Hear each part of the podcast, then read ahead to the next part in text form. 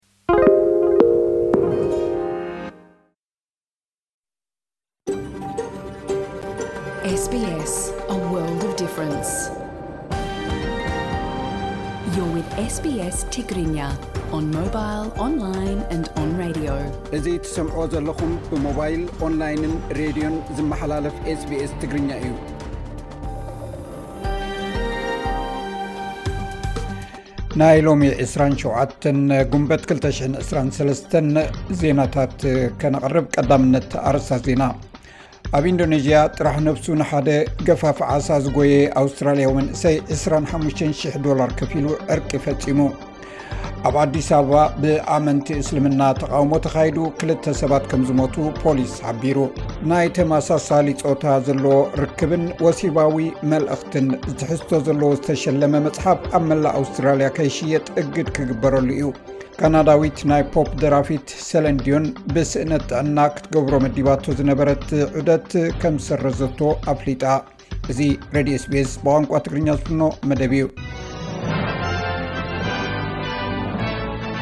ዝርዝራት ዜና ወዲ 23 ዓመት ቦደሂ ማኒ ሪስቢ ጆንስ ዝተባሃለ ኣውስትራልያዊ መንእሰይ ብስኽራን ጥራሕ ነብሱ ንሓደ ገፋፊ ዓሳ ብምጉያዩ ተኸሲሱ ኣብ ትሕቲ ቀይዲ ኣትዩ ድሕሪ ምጽናሕ ብዝኸፈሎ ገንዘብ ካብ ማእሰርቲ ነፃ ኮይኑ እቲ ዛንታ መንእሰይ ቦደሂ ካብቲ ዓሪፍሉ ዝነበረ ኣብ ኢንዶነዥያ ደሴት ሲሙሉ ዝርከብ ናይ ሪዞርት ሆቴል ጥራሕ ነብሱ ወፂኡ ንሓደ ኢንዶነዥያዊ ገፋፊ ዓሳ ኣጓይይዎ። ብድሕሪ'ዚ ብፖሊስ ተታሒዙ ክሳብ ሓሙሽተ ዓመት ክእሰር ፍርዱ ክቕበል ድሕሪ ምፅናሕ ትማሊ ንስድራቤት ኢንዶነዥያዊ ገፋፊ ዓሳ ይቕሬታ ሓቲቱ ብሳንጣ ዝጠቕለሎ ገንዘብ ኣረኪቡ። ኣብቲ ሻንጣ ዕስራን ሓሙሽተን ሽሕ ዶላር ነቲ ገፋፊ ዓሳን ሰበይቱን ኣረኪቡ። በዚ ድማ ካብቲ ዝፅበዮ ዝነበረ ማእሰርቲ ተማሒሩ።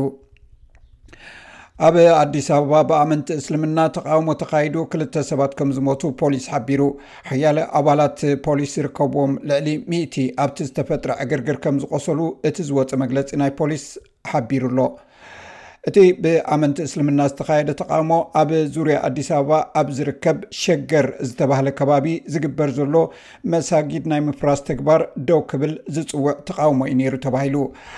ኣብ ዝተፈላለዩ መሳጊድ ኣዲስ ኣበባ ድሕሪ ፀሎት ማለት ሳላት ተመሳሳሊ ተቃውሞታት ከም ዝተካየደ ፀብፃባት ካብታ ከተማ ሓቢሮም ኣለው። ብፍላይ ኣብ ከባቢ ማርካቶ ተባሂሉ ዝፅዋዕ ዕዳጋ ናይታ ከተማ ዓብይ ወጥሪ ሰፊኑ ከም ዝወዓለ ካብቲ ቦታ ዝመፀ ሓበሬታ የመልክት። ፖሊስ ኣብ ዝሃቦ መብርሂ ኣብ ከባቢ ማርካቶ ብዝተፈጥረ ናዕብን ዕግርግርን ህይወት ክልተ ሰባት ምሕላፉ ሓቢሩ። ኣብ ልዕሊ ኣባላት ፖሊስ እውን ክፎኪስን ከቢድን ጉድኣት ከም ዝወረደ እቲ መግለፂ ጠቒሱ ኣሎ።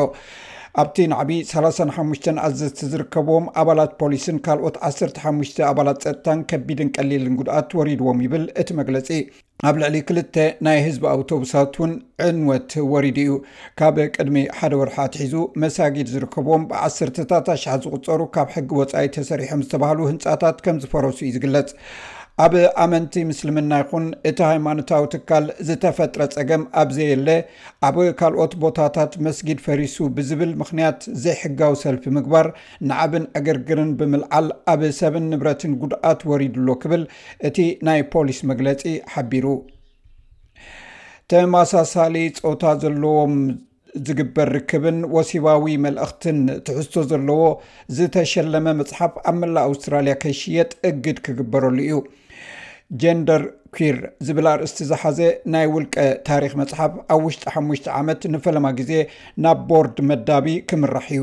እቲ ቦርድ ነቲ ንብሱላት ኣንበብቲ ዝኸውን ምድብ መፅሓፍ ተገይሩ ክሕሰብ ዝቐረበ ይግባይ ኣብ ግምት ንምእታውን ክውስንን ንዝመፅእ ሰሙን ክእከብ እዩ።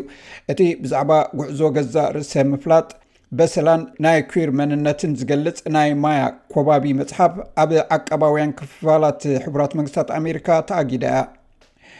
ገለ ናይ ኣውስትራልያ ካምፓኒታት ኣብ ቦታ ስራሕ ብኣርቲፊሻላዊ ብልሒ ወይ ኤኣይ እቲ ቴክኖሎጂ ናይ ሓፋሽ ሓበሬታ ዝጥሕሲ ብምባል ይእግድ ኣለዋ ሓደ ካብቲ ኣብዚ እዋን ህቡብ ኮይኑ ዘሎ ናይ ኣርቲፊሻል ኢንቴሊጀንስ ሶፍትዌር ዝኾነ ቻት ጂቢቲ ኣብዚ እዋን ልዕሊ ሓደ ቢልዮን ተጠቀምቲ ኣለዎ ገሌን ኣብያትዕዮ ብኣድማዕነቱ ክውድስኦ ከለዋ ናይ ውድብ ሕብራት ሃገራት ዩኤን SW ኣርተፊሻል ኢንተሊጀንስ ኤክስፐርት ቶቢ ዋልሽ ግና ኩባንያታት ጥንቁቓት ክኾና ከም ዘለዎን ሓቢሩ'ሎ።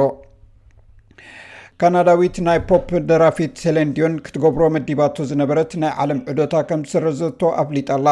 ኣብዚ ናይ ሰሜናዊ ንፍቀ ክቢ ሳመር ዝጅምረሉ ወቕቲ ክትገብሮ መዲባ ዝነበረት ዑደት ንክትፍጽም ዘሸግር ሕክምናዊ ኩነታት ስለ ዘለዋ ምዃኑ እያ ገሊጻ። እታ ጓል 55 ዓመት ደራፊት ነዚ ዝገለጸት ኣርባዕተ ወርሒ ጸኒሓ ናይ ጭዋዳ ስፓስ ዘምጽእ ዘይንቡር ናይ ስነ መትኒ ሕማም ከም ዘለዋ ምስ ተነግራ እዩ ብሰንኪ እቲ ሕማም ኣብቲ ኮረጅ ወርልድ ቶር ዝገበረቶ ናይ ኣውሮጳ ምርኢት ከተናውሖ እውን ተገዲዳ እያ እታ ብማይ ሃርት ዊል ጎ ኦን እትብል ኣብ ናይ ታይታኒክ ፊልም ቀንዲ ደርፊ ትፍለጥ ድራፊት ዓርቢ ንግሆ ኣብ ኢንስታግራም ኣብ ዝጸሓፈቶ መልእኽቲ ንዅሎም ደገፍተይ ይቕሬታ እሓቶም ኢላ